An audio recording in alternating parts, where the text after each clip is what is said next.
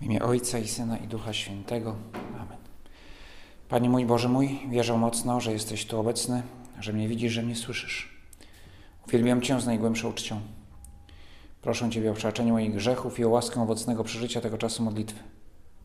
Matko moja niepokalana, święty Józefie, Ojcze i Panie mój, Aniele stróżu mój, wstawcie się za mną. Rzekł do nich, idźcie na cały świat i głoście Ewangelię wszelkiemu stworzeniu. Kto uwierzy i przyjmie chrzest, będzie zbawiony, a kto nie uwierzy, będzie potępiony. Rozważaliśmy to wezwanie Pana Jezusa tydzień temu, przed uroczystością w niebo wstąpienia. Wszelkie stworzenie, no ale tydzień temu skupiliśmy się na tych, którzy mogą uwierzyć lub nie uwierzyć, znaczy na istotach rozumnych, e, rozumnych w tym świecie, w świecie materialnym, a więc no tylko ludzie tutaj w grę wchodzą ponieważ aniołowie nie należą do świata materialnego, zresztą oni albo wierzą, albo, znaczy wszyscy wierzą i jedni Pana Boga przyjęli, inni odrzucili, my na to już nie mamy wpływu. Natomiast e, świat, przyroda ożywiona, nieożywiona, no, nie, nie, nie, nie czci Boga w sposób świadomy, w związku z tym też i do nich nie ma co yy, yy, przekonywać do wiary. To rozważaliśmy y, w kontekście misji apostolskiej. Ale teraz myślałem, żebyśmy zatrzymali się jednak przy tym wszelkim stworzeniu, przy tym, tej interpretacji w cudzysłowie ekologicznej słów Pana Jezusa. Niedawno minęła piąta rocznica ogłoszenia encykliki Laudato Si, której papież Franciszek podsumował nauczanie Kościoła, e, a wcześniej jeszcze nauczanie e, Starego Przymierza na temat relacji człowieka do Boga i świata, do Stworzyciela i stworzenia. Ta encyklika po raz pierwszy Kościół dokonał takiego podsumowania, ale uwaga, to jest podsumowanie jego nauczania, a nie jakieś nowe odkrycie. Tam nie ma jakichś odkryć szczególnych, bo nie ma potrzeby. To wszystko e, wiemy od wieków i tylko trzeba to było może sprecyzować, podsumować i w kontekście toczących się dzisiaj różnych debat i sporów jeszcze raz wyłożyć. Jak więc mamy głosić Ewangelię wszelkiemu stworzeniu?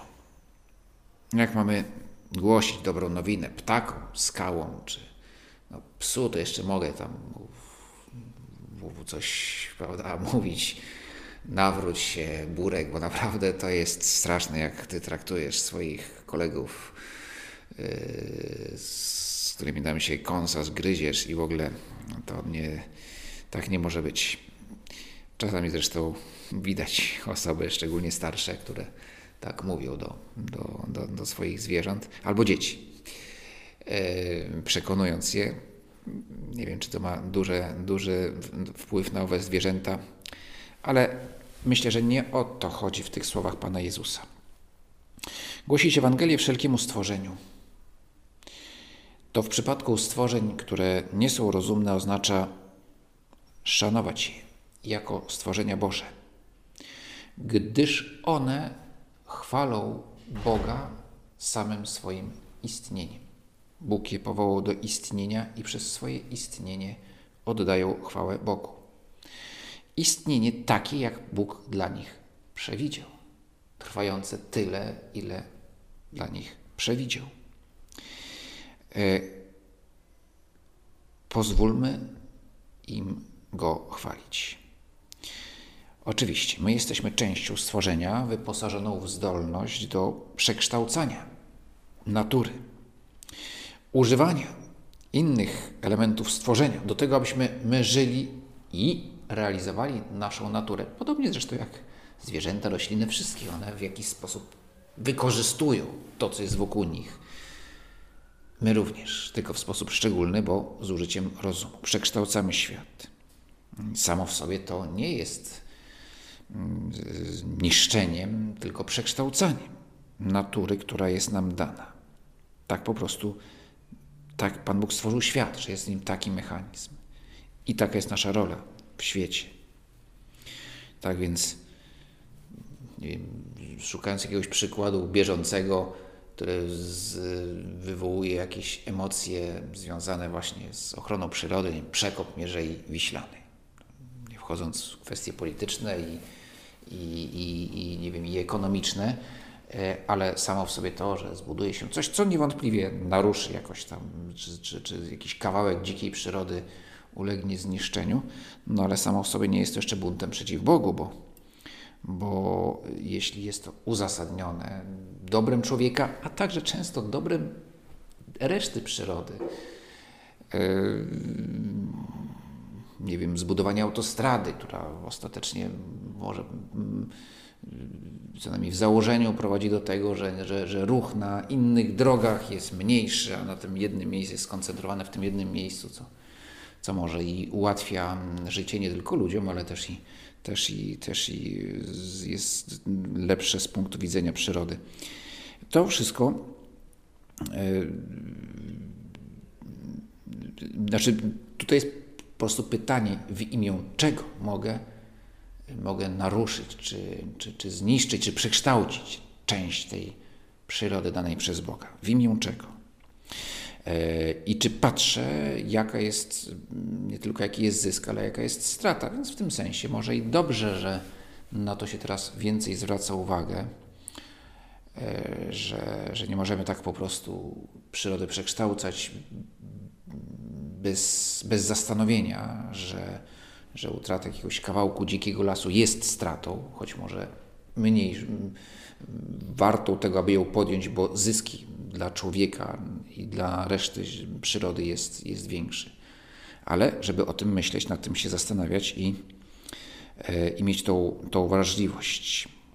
I niekiedy umieć się cofnąć, czy zrezygnować z jakichś projektów, jeśli one nie przynoszą wystarczających korzyści, a, a, a szkodzą tej dzikiej przyrodzie i nie tylko dzikiej. Podobnie zresztą przecież można sobie zadać pytania, czy mamy prawo, y, czy jest rzeczą dobrą, na przykład, nie wiem, wyburzanie jakichś pięknych, starych domów, które już są niefunkcjonalne, żeby zbudować bardziej funkcjonalne. No ale może, ale czy piękno tych dzieł y, architektury no, czy, czy zniszczenie ich nie byłoby stratą. Czasami trzeba to zrobić, a czasami, a czasami właśnie nie. No więc jeżeli ktoś powiedział, że no, pasowało, że bardzo byłoby wygodnie, nie wiem, poprzez Stare Miasto w Warszawie przeciągnąć jakąś tam trasę szybkiego ruchu, no to można powiedzieć, nie no, jednak to jednak byłoby zbyt duża strata. Więc mieć tą mentalność. O niej zresztą właśnie pisze papież w Laudato Si.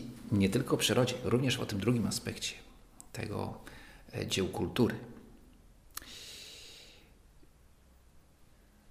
I w tej encyklice jedną rzecz zwróciło mm, uwagę, moją uwagę, właśnie mm, tak kwestia bioróżnorodności. Tak, wcześniej mi się zdawało właściwie dobrze to, że zniknie jakiś tam gatunek jakiegoś stworzenia, no to no, był i nie ma. No, jest tam może skatalogowany w jakimś atlasie jakiś rodzaj, nie wiem, żółwia, tam są jakieś, jakiś gatunek żółwi, które wymierają. Akurat to nie, chyba nie miało na to wpływu człowiek, że już tylko jeden żółw został, ale to jest on.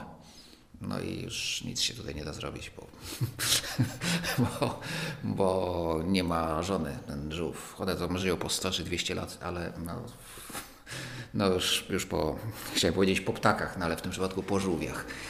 E, e, no szkoda, ale, e, no ale cóż.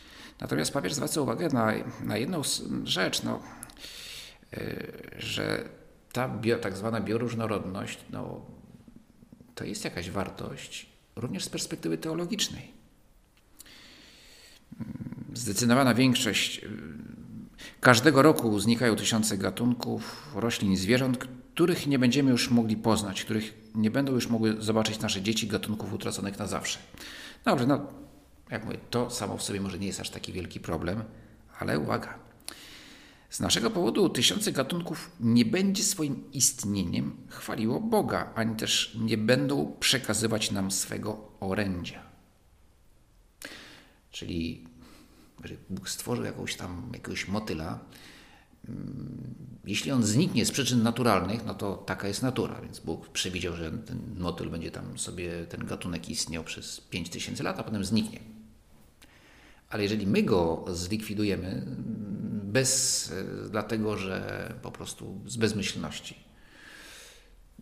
no to jakiś kawalątek dzieła stworzenia popsuliśmy i to, i to nie jest dobre. Oczywiście szacunek do przyrody nie może stać w sprzeczności z szacunkiem do Boga. Tak, w tych ruchach ekologicznych niekiedy niestety tak jest, bo, bo stawia się, czyni się z przyrody, czyni się Boga. A to, co nie jest Bogiem, a my traktujemy jak Boga, staje się demonem, bożkiem.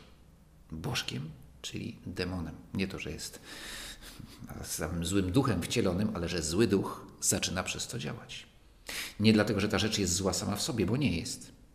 Ale jeżeli zaczynamy ją traktować jak Boga, to zwróci się przeciwko nam. E, tak jak na przykład zwraca się przeciwko nam technologia, którą tworzymy, kiedy zaczynamy ją traktować jak Boga. Na przykład wierząc w jakieś absurdalne, kompletnie nierozumne twierdzenie, że jeżeli coś jest technicznie możliwe, to jest dobre. A niestety wielu naukowców, yy, biznesmenów i polityków wyznaje taki zabobon. To jest naprawdę jeden z najciemniejszych zabobonów i najgroźniejszych. Yy, w świetle wiary jest oczywiste, że jest to zabobon i trzeba go odrzucić. W świetle rozumu również. E, więc nie możemy też stawiać, tak jak techniki, nie możemy stawiać jako wartości najwyższej. Też i przyrody nie możemy traktować jak Boga, bo ona Bogiem nie jest, tylko jest stworzeniem. E, I podobnie, jeśli stawiamy, jeśli szanujemy, jakby okazujemy szacunek przyrodzie kosztem człowieka. Jak jeśli ważniejsze jest dla nas życie foki niż życie człowieka, znowu jest to jakieś zaburzenie porządku. E, chrześcijanin zawsze będzie szukał harmonii, ale harmonia oznacza również oznacza porządek.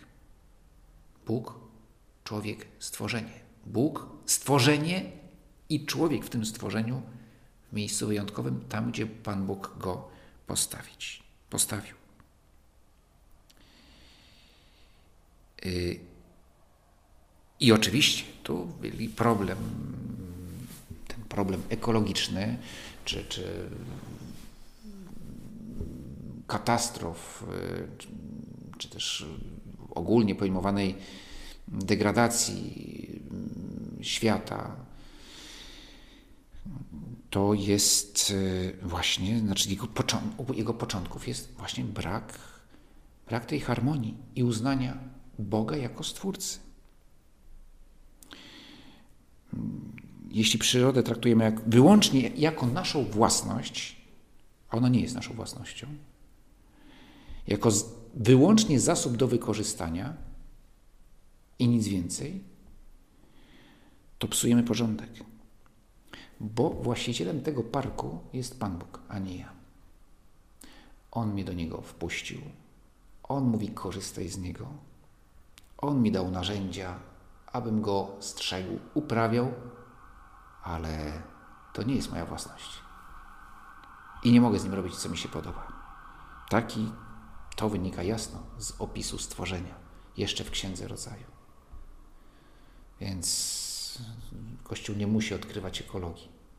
Nie musi jej odkrywać, wystarczy jeszcze raz przeczytać Księgę Rodzaju.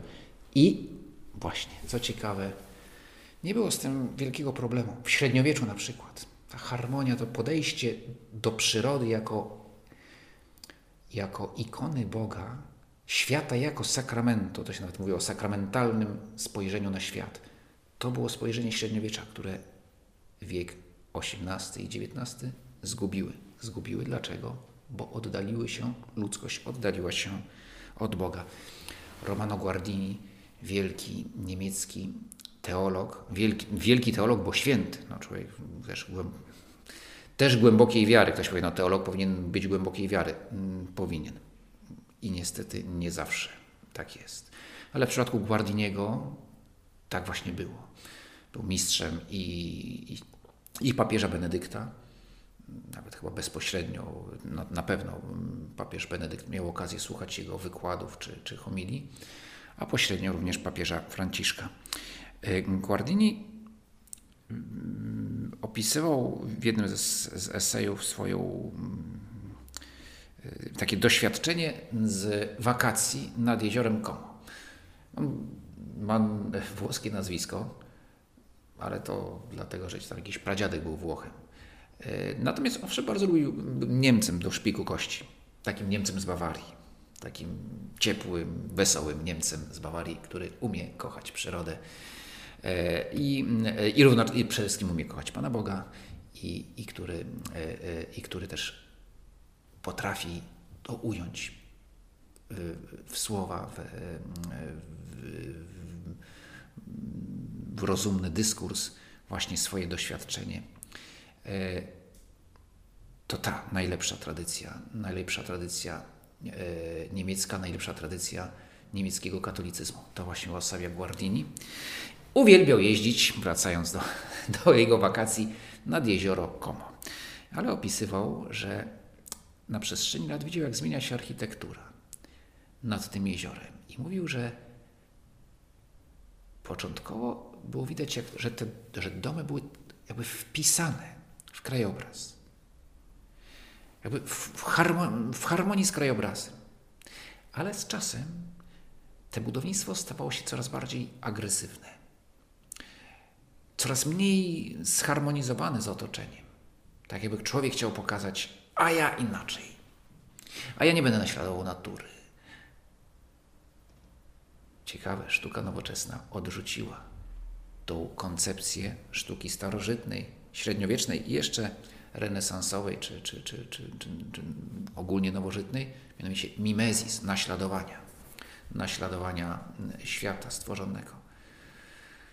No i efekty są jakie są. Mm, różne, no oczywiście, to nie można, nie chcę tutaj wyjść na jakiegoś, jakiegoś zapiekłego konserwatystę, że wszystko co tam po wszystko co po Rembrandcie to do kosza, czy tam po, nie wiem, po romantyzmie to do kosza, ale, e, ale, no, ale jest rzeczywiście pewien problem sztuki nowoczesnej, co najmniej, że właśnie, że, że, że z niektórych jej nurtów tego wykrzywienia, że odrzucenia e, natury, no i właśnie takiego agresywnego e, wchodzenia w przypadku architektury w przestrzeń, naszą przestrzeń.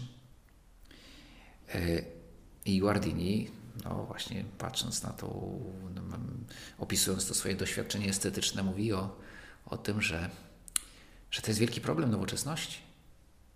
I wspomina jednego z filozofów, który jest, leży u podstaw nowoczesnego patrzenia na świat, Francis Bacon, który mówił, że naturę trzeba łamać kołem, aby zdradziła nam swoje tajemnice.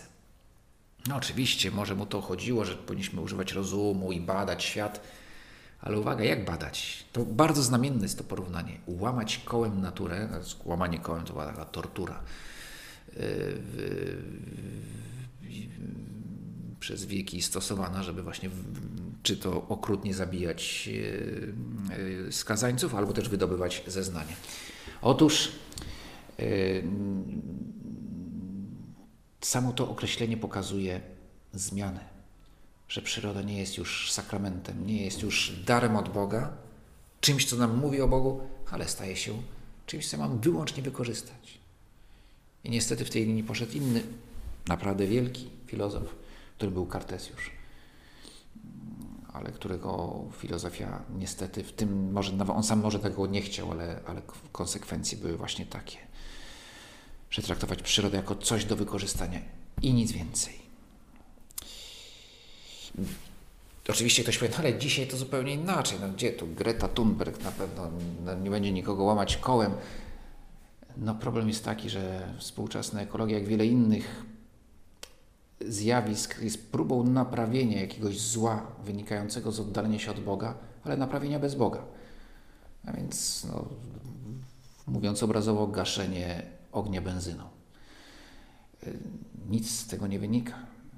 Znaczy, albo może, może tak, no, po pierwsze nie całe, nie, żeby też nie generalizować, nie chodzi o wszystkie ruchy ekologiczne, ale o te nurty, które są właśnie pogańskie czy ateistyczne, które traktują przyrodę jako Boga. Nic z tego nie będzie. Albo pogardzają człowiekiem, albo uważają, że najlepszym rozwiązaniem na, na problem ekologiczny jest po prostu zmniejszyć liczbę, liczebność yy, ludzkości i, i będzie wtedy i będzie dobrze. I zaorajmy nasze miasta, zasadźmy tam lasy, albo niech się same zasadzą. No idealnym rozwiązaniem byłaby jakaś wojna konwencjonalna, albo taka epidemia, która wszystkich wytnie, zostanie tam milion ludzi i wtedy będzie pięknie. No ja w tej chwili ra, ra, e, mówię to oczywiście w sposób taki e, mocno ironizując, chociaż uwaga, naprawdę można i takich szaleńców znaleźć, którzy uważają dokładnie jak w tej chwili powiedziałem. Nie jest ich wielu, ale można spotkać e, również i takie postawy. Natomiast no, wszelkie jakieś podejście takie anty, antynatalistyczne, że, że, że, że, że trzeba rozwiązać, w szczególności w krajach trzeciego świata, e, radykalnie zmniejszyć dzietność, to wtedy będzie, to wtedy będzie dobrze. No nie będzie dobrze. Jeśli będziemy próbować ratować przyrodę, odwracając się, czy będąc odwróceni od Boga. A kiedy papież Franciszek mówi o nawróceniu y, y, ekologicznym, to co to znaczy? To nie znaczy, że mamy się stać ekologistami, tylko że mamy się wszyscy nawrócić. Nawrócić to jest skierować ku Bogu. I wtedy dopiero możemy, zrozumiemy, y, jaką wartość ma stworzenie. Jesteśmy w dniach przed zesłaniem Ducha Świętego i który z darów Ducha Świętego ma tu, miałby tu szczególne znaczenie, aby przyjąć taką właśnie postawę? Jest jeden z darów, jakby na to jest ukierunkowany. To jest dar umiejętności. Dary Ducha Świętego to są łaski, których Duch Święty nam udziela, by czy to dopełniając, czy wspomagając, a czasami przeskakując ponad naszymi naturalnymi możliwościami.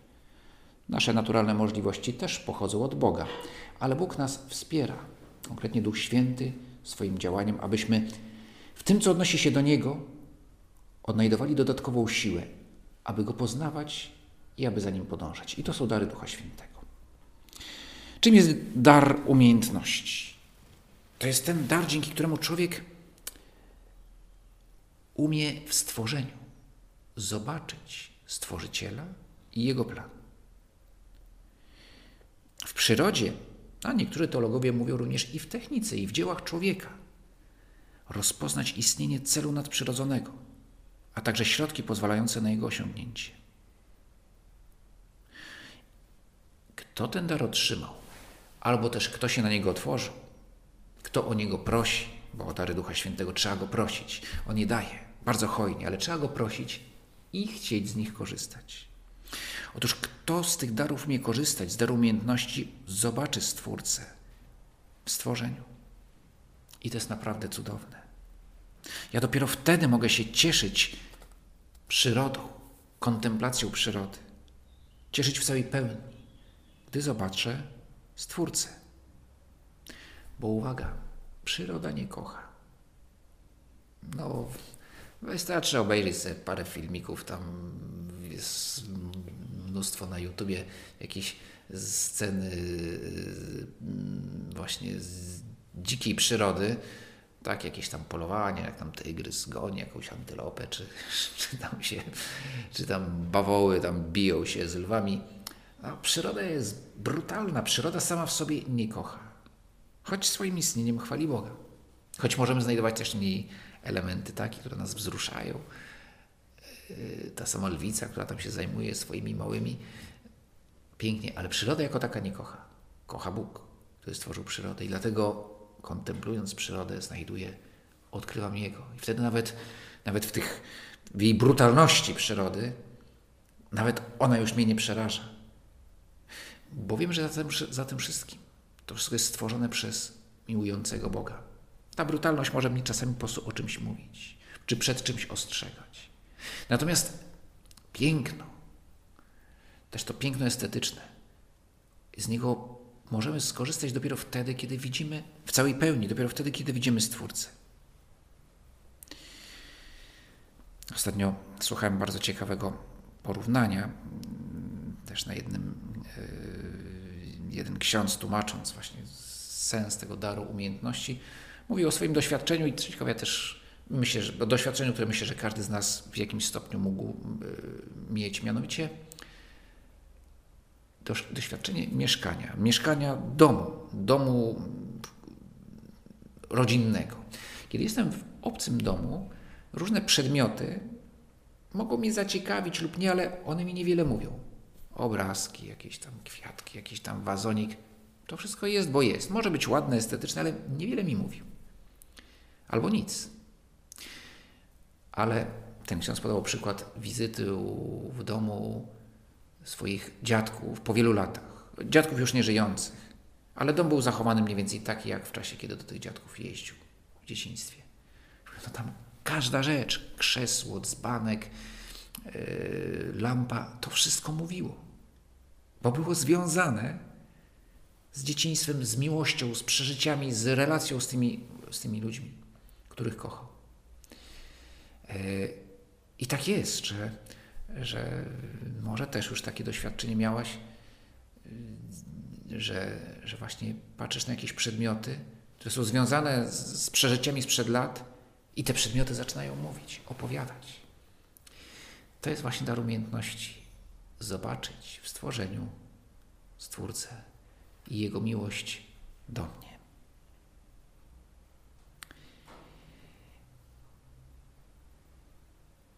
Dar umiejętności jest powiązany z jedną z cnót, to się nazywa mm, umiarkowanie czy wstrzemięźliwość. To jest cnota ludzka, którą Duch Święty, cnota ludzka to znaczy taka, którą możemy zdobyć o własnych siłach.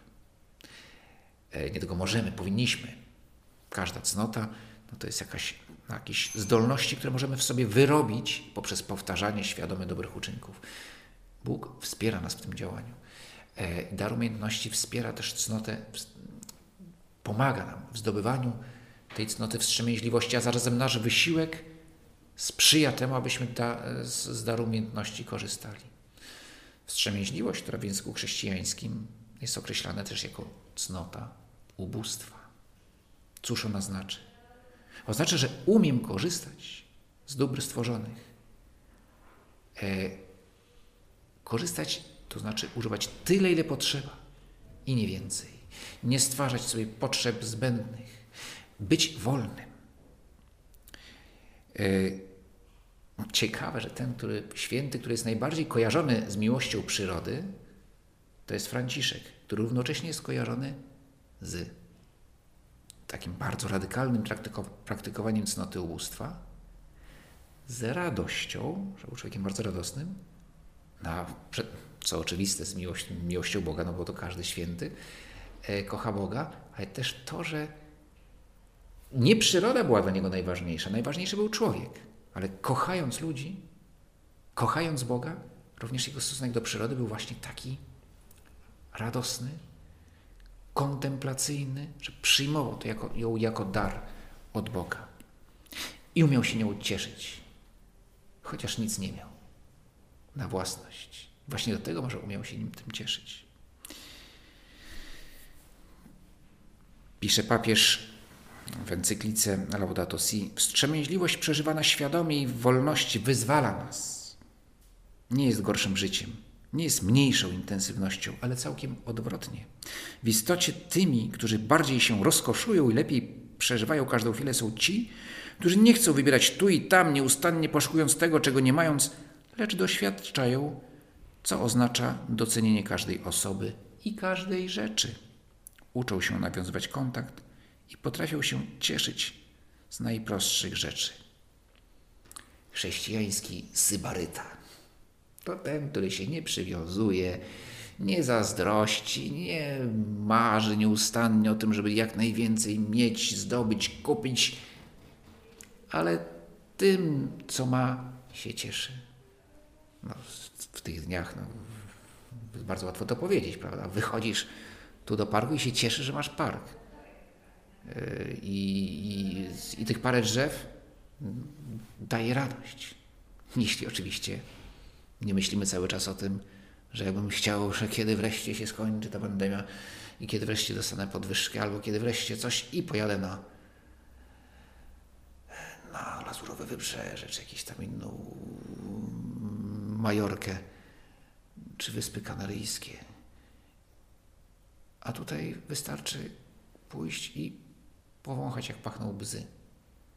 I nie trzeba już jechać na Majorkę. A jeśli już tam pojadę, to też się będę cieszył. Cóż, nie, nie będę żałował, ale, ale, ale tu pola mokotowskie mi wystarczą. Yy, Bo umiem cieszyć się życiem, umiem się cieszyć życiem, bo umiem docenić to, co Bóg mi daje w swoim stworzeniu. Prośmy Ducha Świętego, abyśmy umieli dostrzegać Stwórcę w tym, co nas otacza i tym bardziej Go kochać.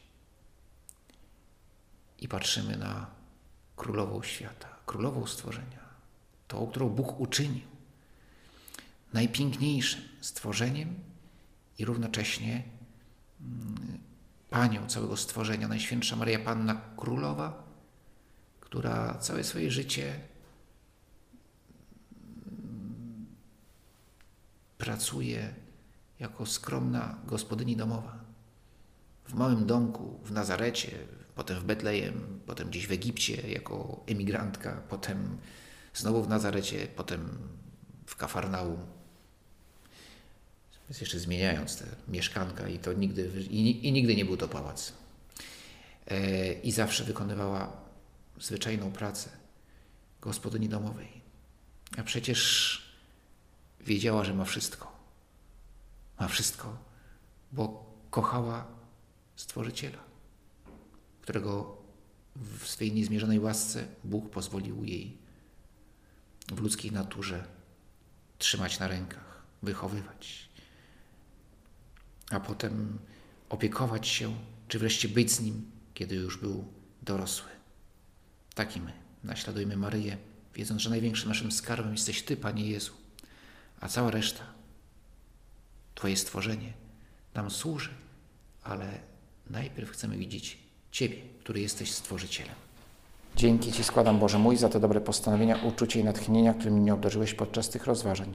Proszę Cię o pomoc w ich urzeczywistnieniu.